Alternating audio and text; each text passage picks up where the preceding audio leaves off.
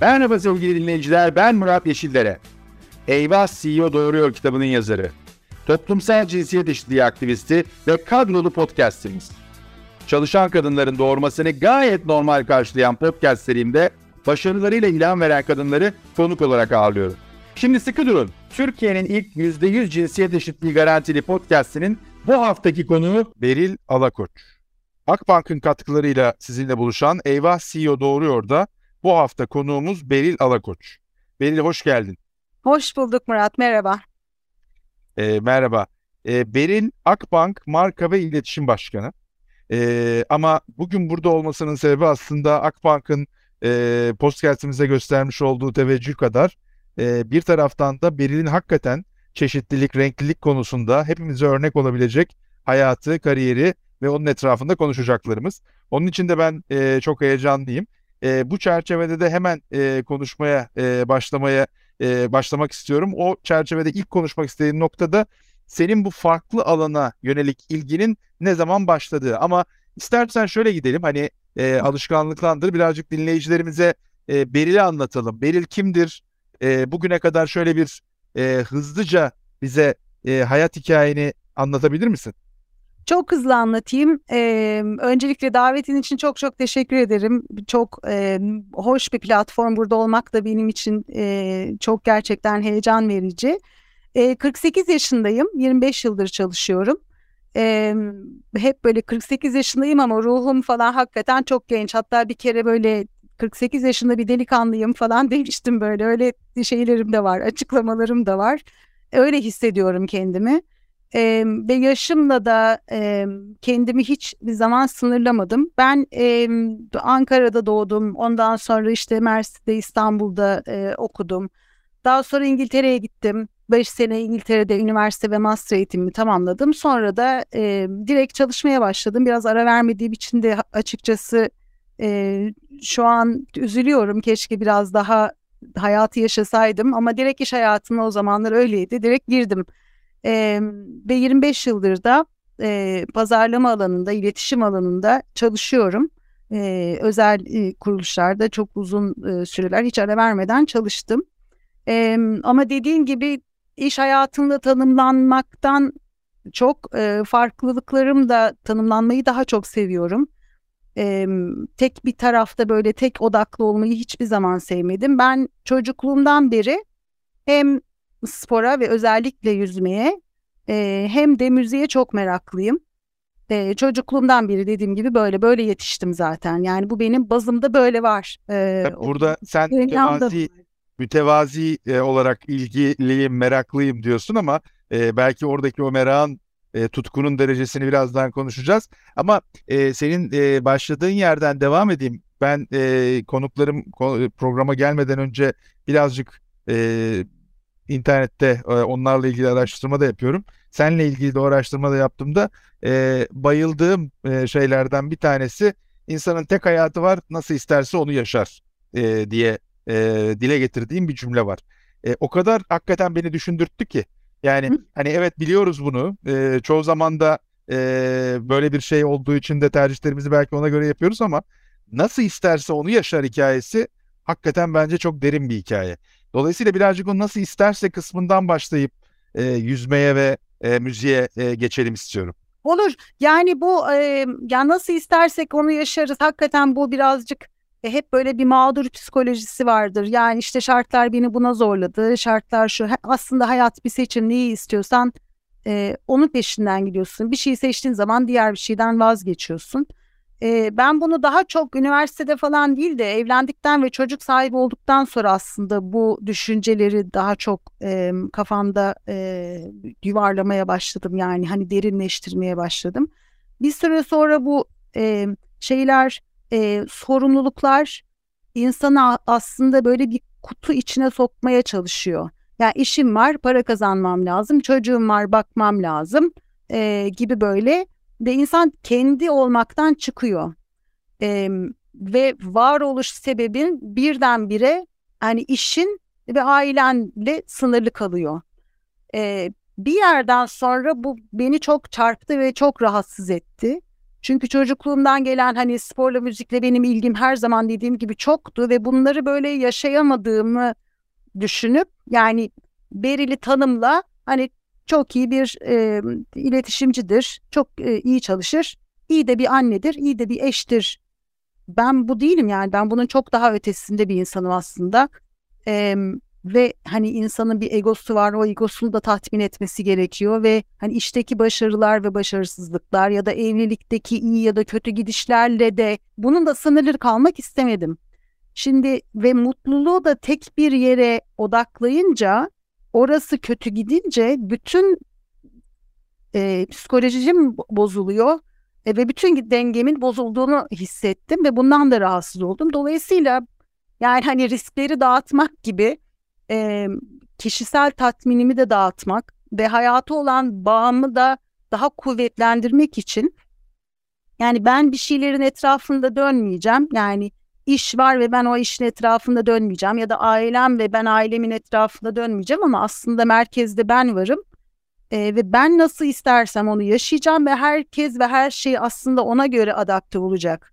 Ee, yani bunu büyüklerim bana hep söylemişti aslında. Çocuğuna mesela çocuğun doğduğu zaman hani o, oraya böyle odaklanıp başka hiçbir şey düşünemeyen anneler var. Sonra çocuklar bir gidiyor ortada kalıveriyorlar. Halbuki ben hayatımı düzgün ve istediğim gibi yaşarsam çocuklar ona çok kolay adapte olabilir. Çünkü onların adaptasyon e, kabiliyetleri son derece yüksek. Ben mutlu olursam onlar zaten mutlu olacaklar ve onlar da kendi hayatlarını yaşayacaklar ve aslında e, çocukların etrafında çok dönen bir hayat çocuğa da çok büyük sorumluluk. O zaman e, çocuk şunu hissediyor çünkü annem bana benimle var oluyor. Bu çok büyük büyük bir çocuk üstünde. Hayır ben zaten bireysel olarak var oluyorum ve sen benim çocuğumsun. Kendi herkes kendi sorumluluğunda aslında kendi hayatını yaşıyor. O çocuğu da çok rahatlatan bir şey. Yani buraları düşününce tamam ben kendi istediğimi yapacağım yani. Hani ne yapmam lazım? Ben iyi bir yüzücüyüm. Ee, yani yüzmeyi çok seviyorum.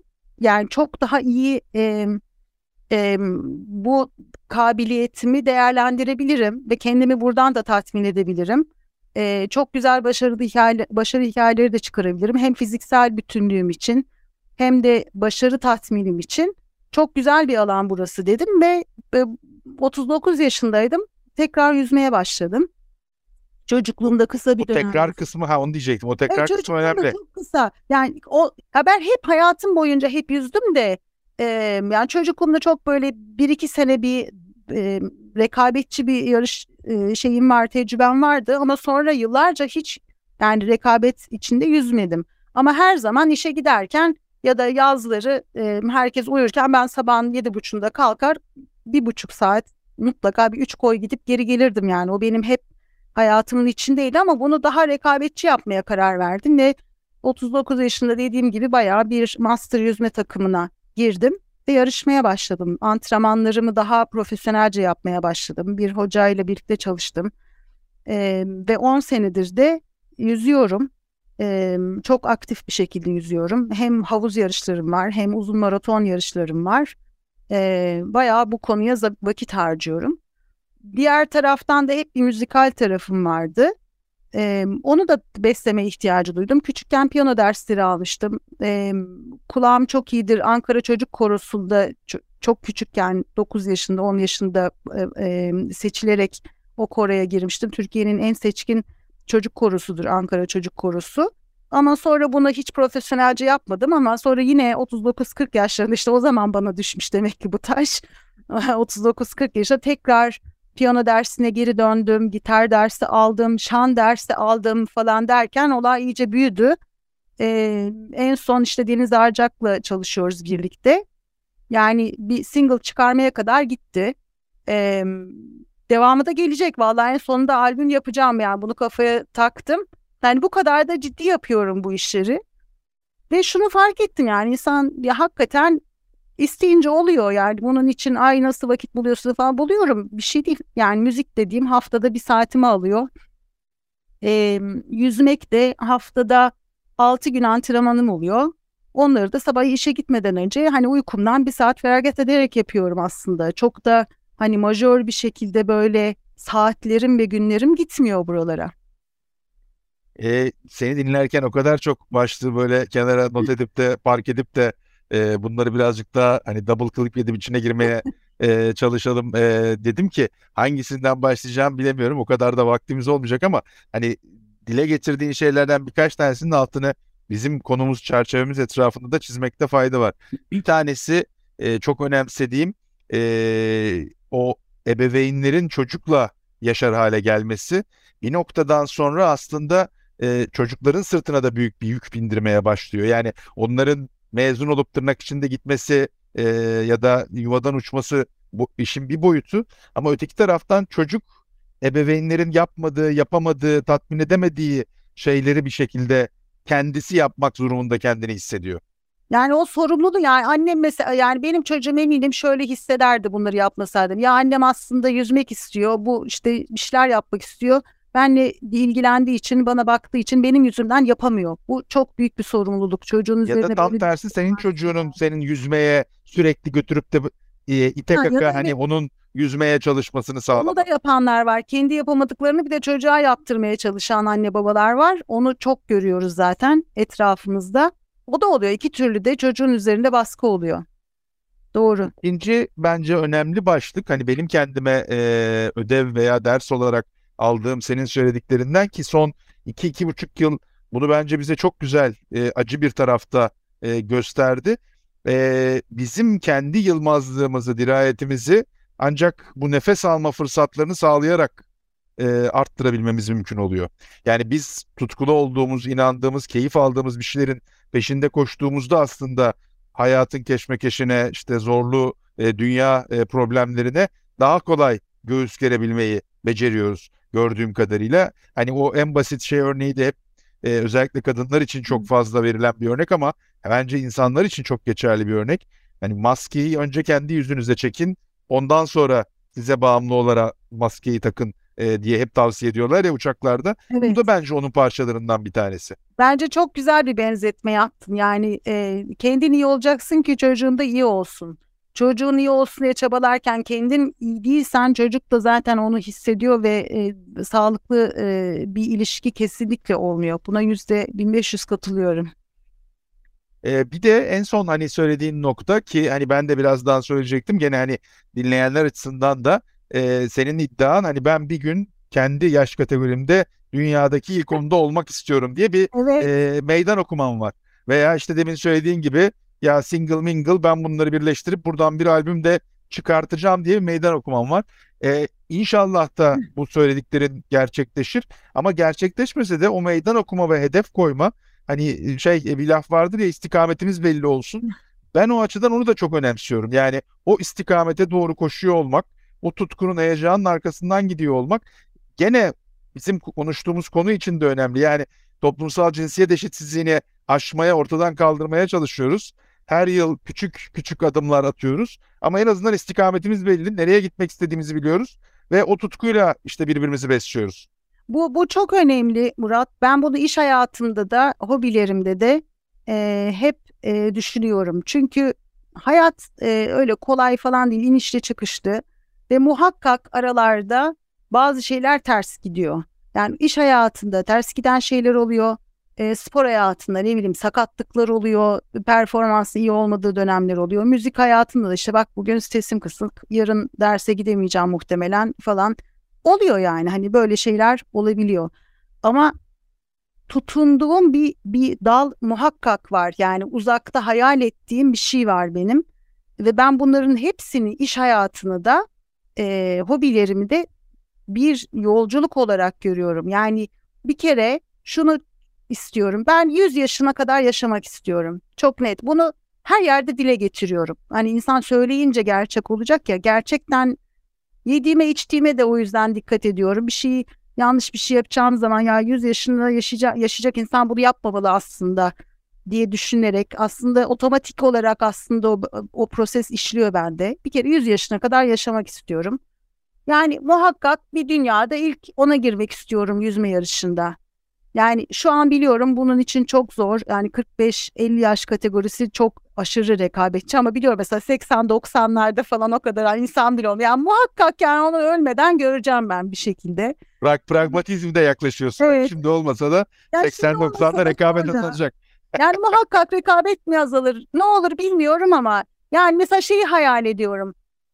90 yaşında boğazı geçen ilk kadın falan. Böyle arkadaşlarıma hep söylerim. Televizyonda göreceksiniz beni. O zaman televizyon olmaz. Başka bir şey olur muhakkak. Ay ben bu kadını tanıyorum. Bizim yöneticimiz dersiniz e, diyorum. Yani geçeceğim ben o ağzı. En yaşlı ben olacağım mesela. Böyle hayalleri var. Birazcık da hırslı bir kadınım tabii. Ondan da oluyor bunlar.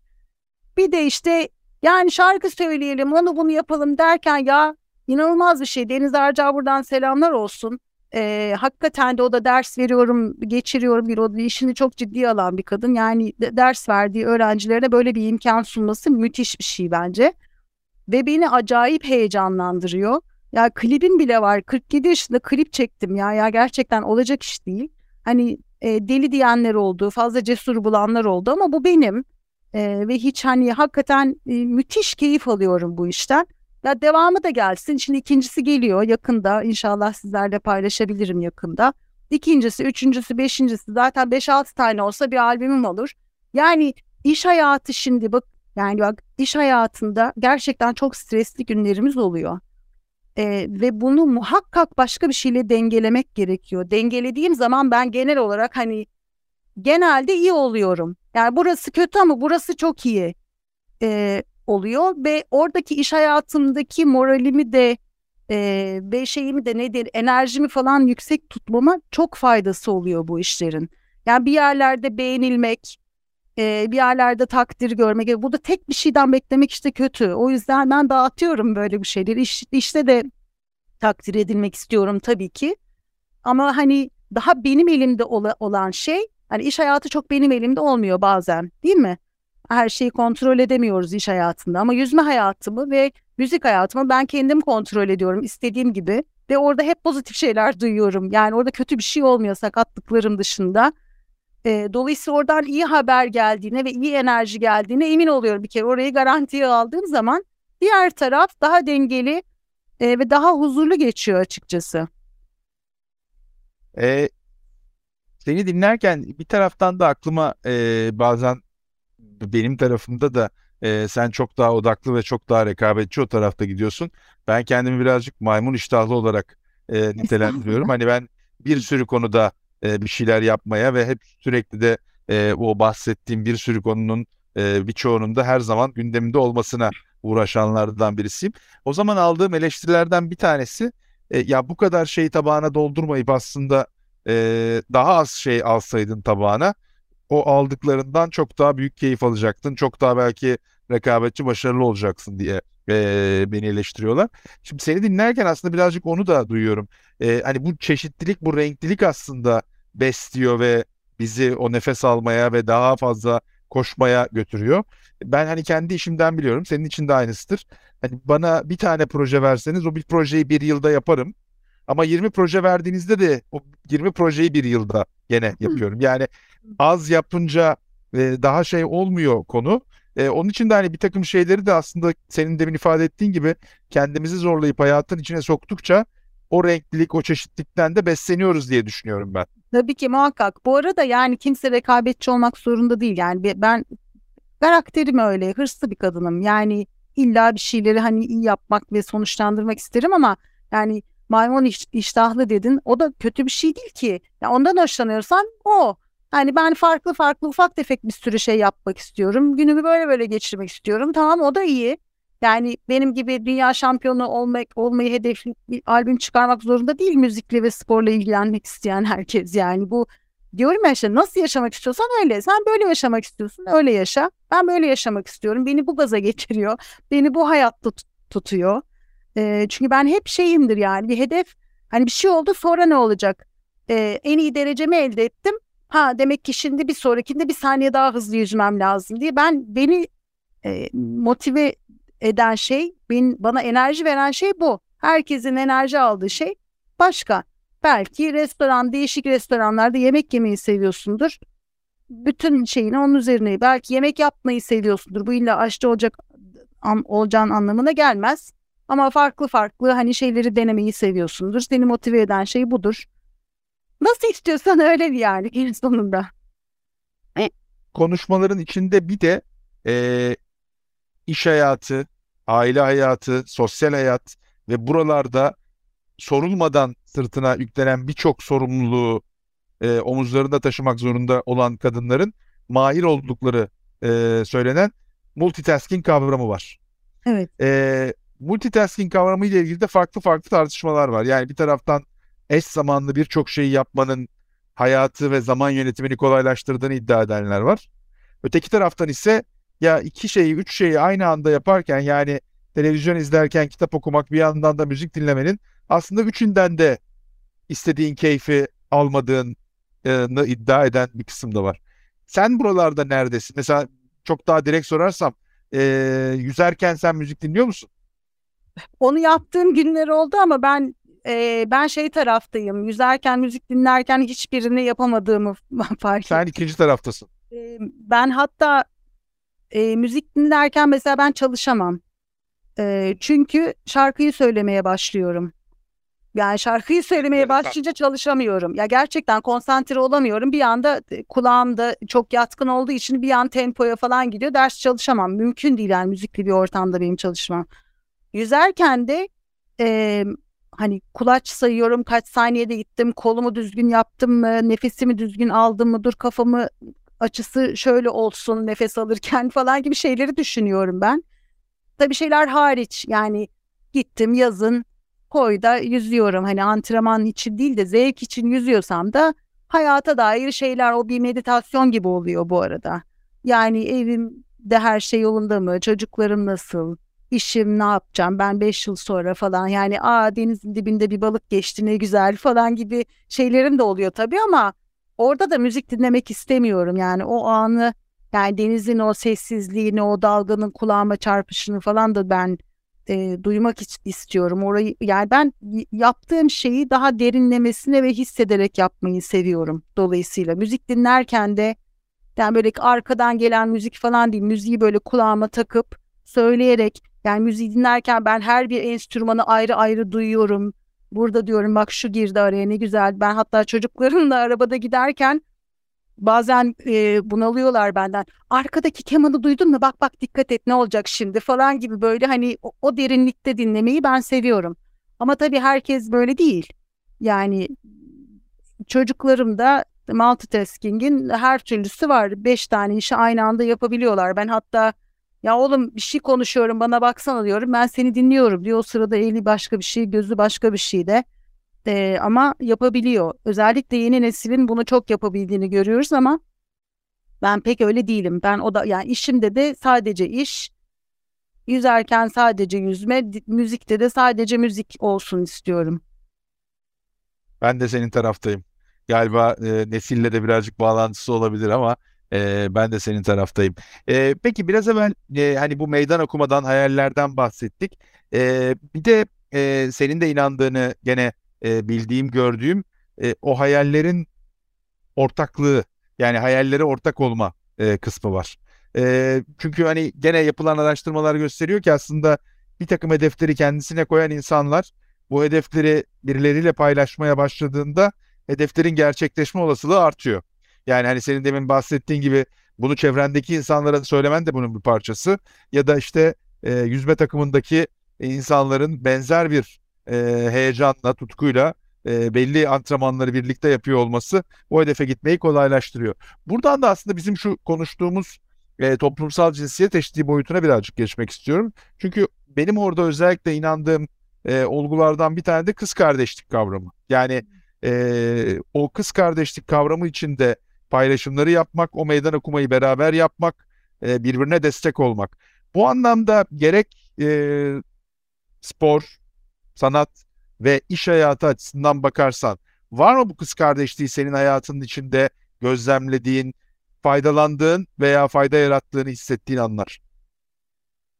Ya bir e, şeyde iş hayatında ve hobilerde vesairelerde hani bir hedef varsa bunu paylaşmanın e, ger gerçekleşmeye giden yolda çok çok önemli olduğuna kesinlikle katılıyorum.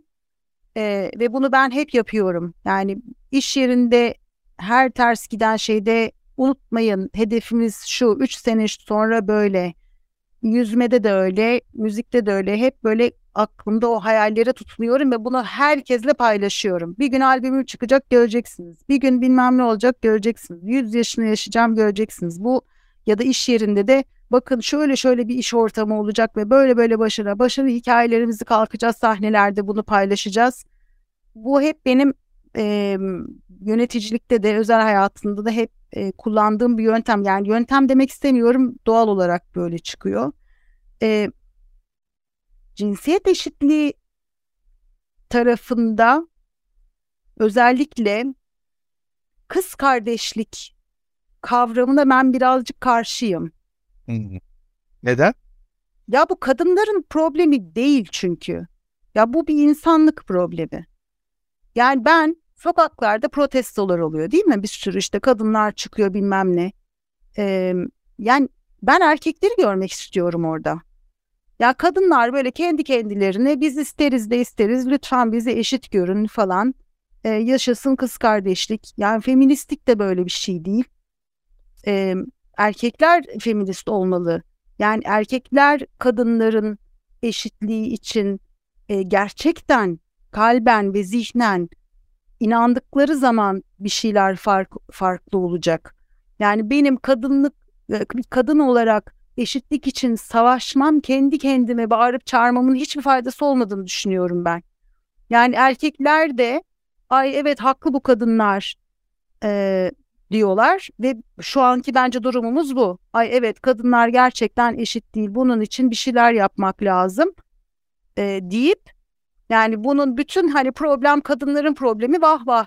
Ya böyle bir şey yok. Bu kız kardeşlik şeyine o yüzden ben çok katılmıyorum. Yani kız kardeşlik bir insanlık. Hep beraber bütün kardeşler e, bunu yapmalı. Yani bizim yakın çevremizde bile. Ya bakın gör ya değil mi biz modern insanlarız. Eşitliğe inanan bir ailenin içine doğdum ben. E, ve gayet eşit ol, olduğunu düşündüğüm ve inandığım arkadaş çevrem, sosyal çevrem var. Benim bu şeyde bile hep söylediğim bir örnektir bu. Ben gerçekten tahammül edemediğim bir şey var. Benim bu mesela çok yanlılığım, çok yönlülüğüm. Beni mesela birisi takdir edecek. Ay Beril hem iş, hem ev, hem çocuklar, hem yüzme, hem de müzik hepsini bir arada nasıl yapıyorsun? Nasıl vakit buluyorsun? Yani aynı şeyi kocam yapıyor olsa Abi helal olsun ne güzel yapıyorsun derler ve buna nasıl yapıyorsun diye sormazlar bir adama. Ne güzel yapıyorsun derler bırakırlar orada. Bunu nasıl nasıl vakit buluyorsun ve nasıl yapıyorsun? Bu bile insanların özünde e, eşitliği çok içselleştiremediklerini gösteriyor bana. Yani bir kadın olarak benden de bu, bu, bu yorumu yapan arkadaş benden evime, aileme, çocuklarıma e, bir erkeğe göre daha fazla vakit ayırdığımı ve ya da ayırmam gerektiğini ve bu sorumluluğun bende olduğunu varsayıyor zaten otomatik olarak. Bu çok yanlış. Bunu en yakın arkadaşlarım, en yakın çevrem zaten bana söylüyor. Bunu nasıl buna nasıl vakit buluyorsun? Hakikaten bir erkeğe bu soruların sorulduğunu hiç duymadım. Ama bu yani çok haklısın e, ama da değil aslında. Aslında bu söylediğin nokta e, sen de onu ifade ettiğin için söylüyorum.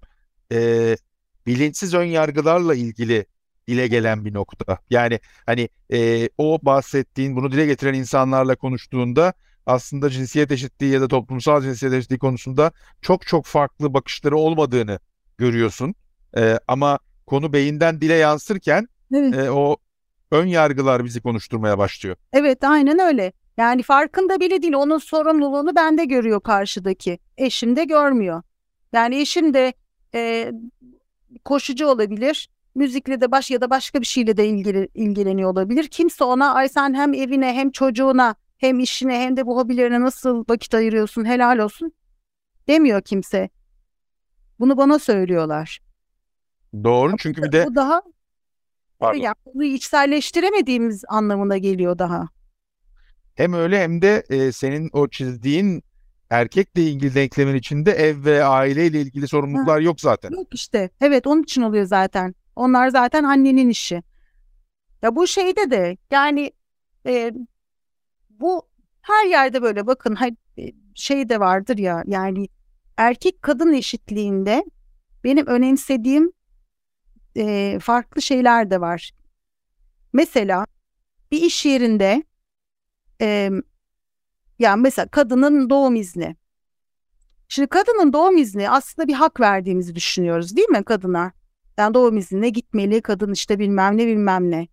Ya bu kadının doğum iznini kadını gönderip adamı göndermeyince babayı göndermeyince yani bir iki problem oluyor. Bir zaten çocuk bakımı eşittir anne anneyi bir kere altını iyice çizmiş oluyoruz. İki kadının kariyerinde nereden baksan bir altı aylık bir ara oluyor. Ve ister istemez yani hani bunu tabii ki bunu yapmamak üzere bütün e, şirketimiz bizim Akbank'ta da yani çok dikkat ettiğimiz bir konu. Aman ha yani doğum iznine gitti geldi kariyerinde bir aksaklık olmasın. Bunu bütün kurumlar artık yapıyorlar. Ama gerçek o ki 6 ay bir ara veriliyor ve iş hayatı durmuyor. Yani orada bir kayıp oluyor. Şimdi siz ben bazen bazı hakların erkeklere de verilmesi gerektiğini düşünüyorum. Şimdi erkeğe de verirsen hem evde çocuk bakımında ev bakımında da bir birliktelik olur. Hem de kariyerde de neyse o arayı herkes versin yani. Erkek de sonuçta o ailenin o da babası yani biri annesi bir yani birisi tabii ki daha emzirecek odur budur anneye birazcık daha bağımlı oluyor elbette ama evin farklı ihtiyaçları vesairesi içinde bir baba figürüne de muhakkak ihtiyaç var. E, ya da yani çok mesela gittim çocuğum hasta. Şimdi ben gidince çocuğum hasta olmaya tamam ama baba gidecek olsa patrondan izin alacak. Aa, annesi gitsin sen niye gidiyorsun? Yani çocuğu hastaneye e, mesela geçen gün işte ben de gittim değil mi? Ben beni arıyorlar. Anne gitsin alsın gitsin. Benim gitmem normal. Baba, aa benim işim var sen götürsene. Yani benim işim iş değil çünkü. Yani hani eşimle böyle bir kavgamız yok bu arada. Hiç yanlış anlaşılsın istemem ben. Niyetten söylüyorum.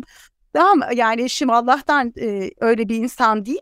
Ama bu doğal beklenti iş yerinde bu tür işlere kadının koşması. Ya adam da koşabilmeli. Ya da kötü bir örnek vereceğim.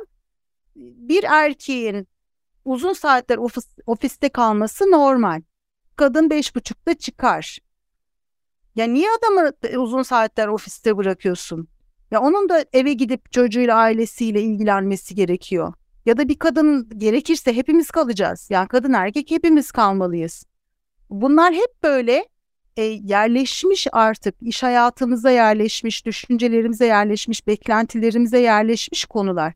Yani erkeğe de bazı haklar dolayısıyla verilirse herkes rahatlayacak aslında. Yani biraz eşitlik konusunda sadece kadına verilecek haklar değil, erkeği erkeği de rahatlatmak gerekiyor. Bir de hani parayı erkek kazanır.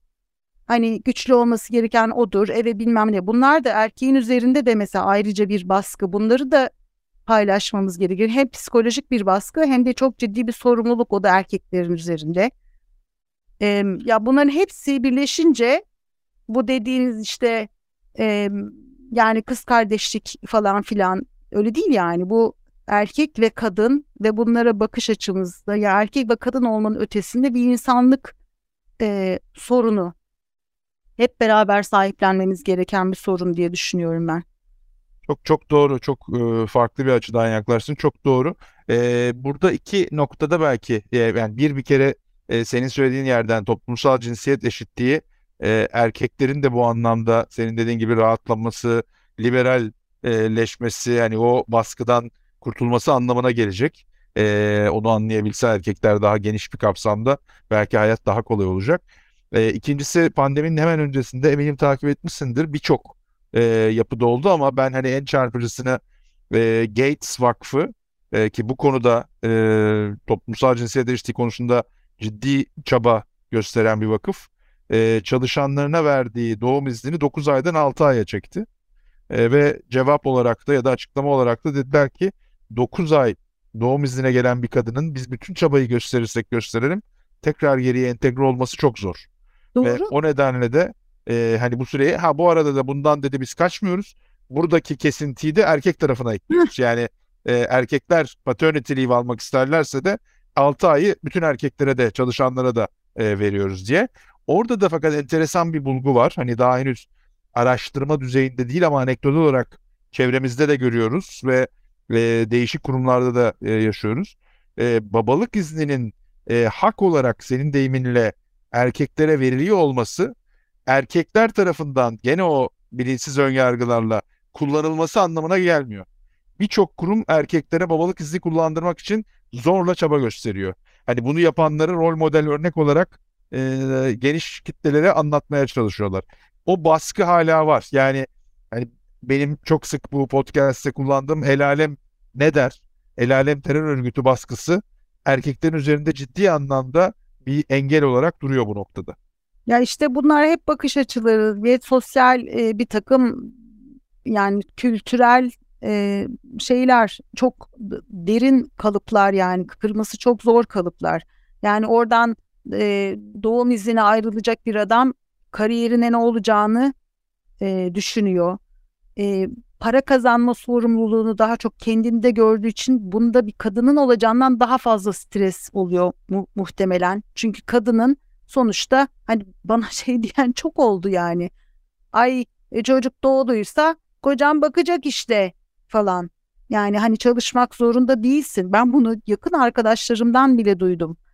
Ee, yani ne münasebet ee, değil mi? Ama hakikaten toplum o kadar bunu artık böyle böyle yetişmiş ve o kadar kalıplaşmış şeyler ki bunlar adamın e, doğum izninde ne çıkarsam benim başıma kariyerimde neler gelir stresi bir kadının stresinden daha fazla olacaktır ve bunu yıkmak kolay bir şey değil. Tabii burada kurumlara dolayısıyla çok önemli işler düşüyor. Yani hani o kariyerin aslında devamlılığı ile ilgili, bunu desteklediği ile ilgili gerçekten ikna edici ve bunu e, bunu yapanları da hakikaten yüceltici, rol model olarak gösterici e, programlar olmalı. Kurumlardan bahsederken e, Akbank'ın katkılarıyla e, bizim dinleyicilerimize ulaştırdığımız Eyvah CEO Doğruyor da bir yeni bölümümüz var. E, o da e, sıfır tolerans bölümü. Burada da e, konuklarımıza toplumsal cinsiyet eşitsizliği konusunda ya da toplumsal cinsiyet eşitliği mücadelesinde sıfır tolerans gösterdikleri üç kavramı soruyoruz. Bizi dinleyenlerden de ricamız e, hashtagle Twitter üzerinden toplumsal cinsiyet eşitliği konusunda sıfır tolerans gösterdikleri kavramları paylaşmaları. Senin nedir sıfır tolerans gösterdiğin kavramlar? Valla e, çok net üç tane kafamda şey hemen beliriyor. Bir tanesi kadınlıktan taviz verme. Şimdi eşitiz ya bir yere gittik ha Beril de bizdendir ya özellikle erkek egemen ortamlarda, iş yerlerinde bunu görebiliyoruz. Yani bir erkek gibi davranma beklentisi. Beril de madem eşitiz o zaman hayır. Ben kadınımdan taviz vermeyeceğim. Ben elbisemi de giyeceğim, topuk ayakkabı, topuklu ayakkabılarımı da giyeceğim, makyajımı da yapacağım. Bir kadın gibi konuşacağım ve bir kadın gibi saygı görmeyi ve davranılmayı bekleyeceğim. Erkek gibi olmayacağım. Eşit olmak demek o değil. Bir kere çok ya bunun hakikaten çok e, çok kötü bir şey olduğunu düşünüyorum. Bunu bekleyen erkekler oluyor çünkü böyle ortamlarda. Bizden gibi biri artık. Yok hayır değilim ben bir kadınım bir kere e, birinci e, taviz vermeyeceğim de hani hakikaten sıfır tolerans göstereceğim konu bu. İkincisi aynılık ve eşitlik kavramlarının karıştırılması. Ben bir erkekle aynı değilim. Onlar kadar kuvvetli değilim. Kaslarım o kadar güçlü değil. Düşünce yapım şeylerim farklı. Boyum daha kısa. Ee, şimdi bu şu demek bazen eşit olmak için aslında eşitsizlik gerekiyor. Yani ben hani biraz şey olsun diye söylüyorum. Me- mesela bir kavgaya gireceksen bir adamla benim elime daha kuvvetli bir silah muhtemelen ayağımın altına da bir tabure koyman lazım eşit bir şekilde kavga edebilmem için. Yani bana destek olması gerekiyor, e, de, olunması gerekiyor. Yani eşit olabilmek için eşitsiz yani daha pozitif ayrımcılık dediğimiz şeyin burada önemli olduğunu düşünüyorum. Beni aynı seviyeye getirmek için e, çalışması gerekir. Örnek, ben doğum yaptım. Sonra döndüm. Yani aylarca hakikaten e, işime uykusuz gittim. Toplantılarda uyuyakaldım. Yani iyi ki o zaman benim yöneticilerim bana eşit davranmadılar. İyi ki davranmadılar. Yoksa bugüne gelemezdim ben. Toplantılarda uyuyakaldığımı, işlerimi tam performansla yapamadığımı biliyorum ben. Bunları yaşadım ama uykusuzdu gecelerim. Ee, o yüzden yani bir hani fiziksel olarak ya da düşünsel olarak kadınla erkek aynı olamaz. Dolayısıyla aynı davranamazsınız. Eşitlik demek birebir aynı şekilde davranacağım. Bu, bu eşitsizliği getiriyor tam tersine. Ee, bir üçüncüsü de daha önce biraz evvel bahsettiğim erkeklerin bu konuda kendilerini oyunun dışında bırakmaları ve sorumluluk almamaları. Buna da tahammülüm yok. Yani biz izleyelim ay evet kadınlar evet biz de inanıyoruz size falan demek başka. Bu konuda gerçekten sorumluluk almak bambaşka bir konu. E, gerçekten bunu içselleştirmek, gerçekten yaşamak bambaşka bir konu. Bu üçünü söyleyebilirim. Çok güzel. Ee, özellikle bu aynı ve eşitlik arasındaki e, açıklamam bence çok çok değerli. E, o hani e, birçok açıdan şey yapıyor. E, aynı kavramını getirmen de benim açımdan da değerli bir e, öğreti oldu. Hani ben çünkü e, kadın erkek eşit değildir ama kadın erkek fırsatlarda, haklarda e, eşit olmalıdır. E, toplumsal cinsiyet eşitliğinin temelinde bu var diye savunuyordum. Sen şimdi bunu aslında kadın erkek aynı değildir diye farklı bir e, boyuta taşıyorsun. E, onun için de çok çok değerli oldu. Belki e, yavaş yavaş da sohbetimizin bize ayrılan sürenin sonuna geliyoruz. E, senin o e, başladığın noktadan e, bir başka tarafa şöyle geçmeyi de istiyorum. Çünkü birazcık konuştuk ama e, birazcık detaylandırmakta da fayda var. E, anneliğin aslında bu konuştuğumuz hani bu konu bir kadın konusu değil. Bu konu aslında bir insan hakları konusu senin deyiminle. Ben hatta daha ileri gidiyorum. Ben bu konunun ciddi bir erkek konusu olduğu düşüncesindeyim. Yani bir erkek meselesi var. Erkeklerin değişerek ancak çözebileceği bir mesele olduğu düşüncesindeyim.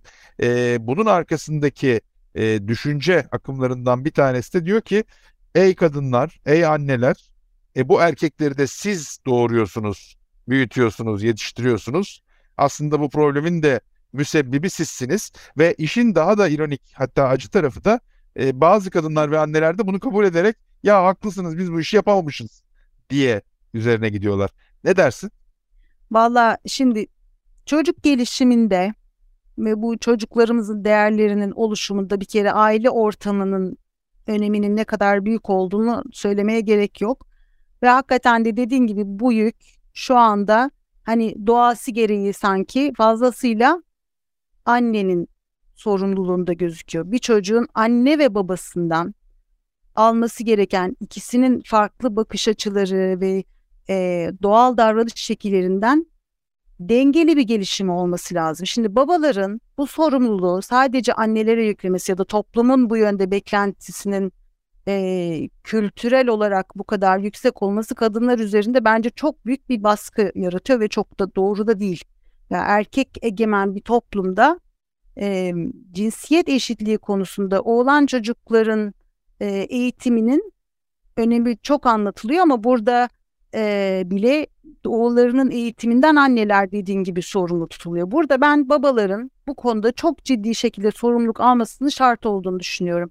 Hem kızlarını bu hani cam tavanlardan bahsederiz hep böyle hani bu cam tavanları oluşturmamaları hem de oğullarına e, daha eşit bir dünya için kültürümüzde böyle yerleşmiş eşitlik karşıtı kavramları kabul etmemeleri konusunda e, en önemli rolün ben tam tersine babalara düştüğünü düşünüyorum. Yani kızlar zaten doğal olarak daha babalarına düşkün oluyorlar. Babalarının onları cesaretlendirmesi, daha onları kendi inandıkları yolda sağlam adımlarla ilerleyeceklerine, ilerlemelerine yardımcı oluyor. Ben de bunu birebir yaşamış birisiyim.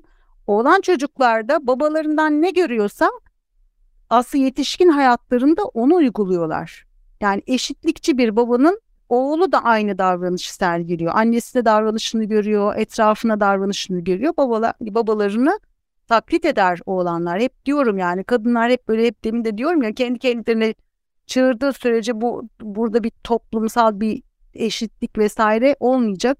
Ne zaman erkekleri kadın hakları konusunda sokaklarda böyle protestolarda en az kadınlar kadar görürüz o zaman ben bir e, ümit ışığı göreceğim burada.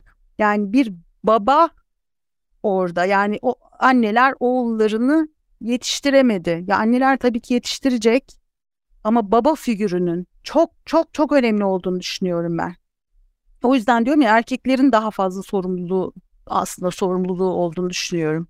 E, efendim bugün kadın ya da erkek olmakla değil insan olmakla ilgili konuları konuştuk. Beril Alakoç'la birlikte. E, çok çok teşekkür ediyoruz e, podcastimize e, konuk olduğu için. Birçok enteresan açılım yaptı. Çok da değerli. Ama ben ilk başladığımız noktaya geri dönüyorum. Çünkü o hakikaten bayıldığım bir motto oldu. İnsanın tek bir hayatı var diyor Beril Alakoç. Ne istiyorsa, nasıl istiyorsa onu öyle yaşar. E, öyle yaşamaya devam et ve bize de örnek olmaya devam et bu anlamda. Çok teşekkür ediyorum. Beni izlemeye devam edin diyorum o zaman. çok teşekkür ediyorum davetiniz için de çok samimi bir e, sohbet oldu. Çok memnun oldum. Çok da e, sevindim davetinize gurur duydum. Çok teşekkürler. Çok çok teşekkürler. Eyvah CEO Doğruyor da bu hafta konuğumuz Beril Alakoç oldu.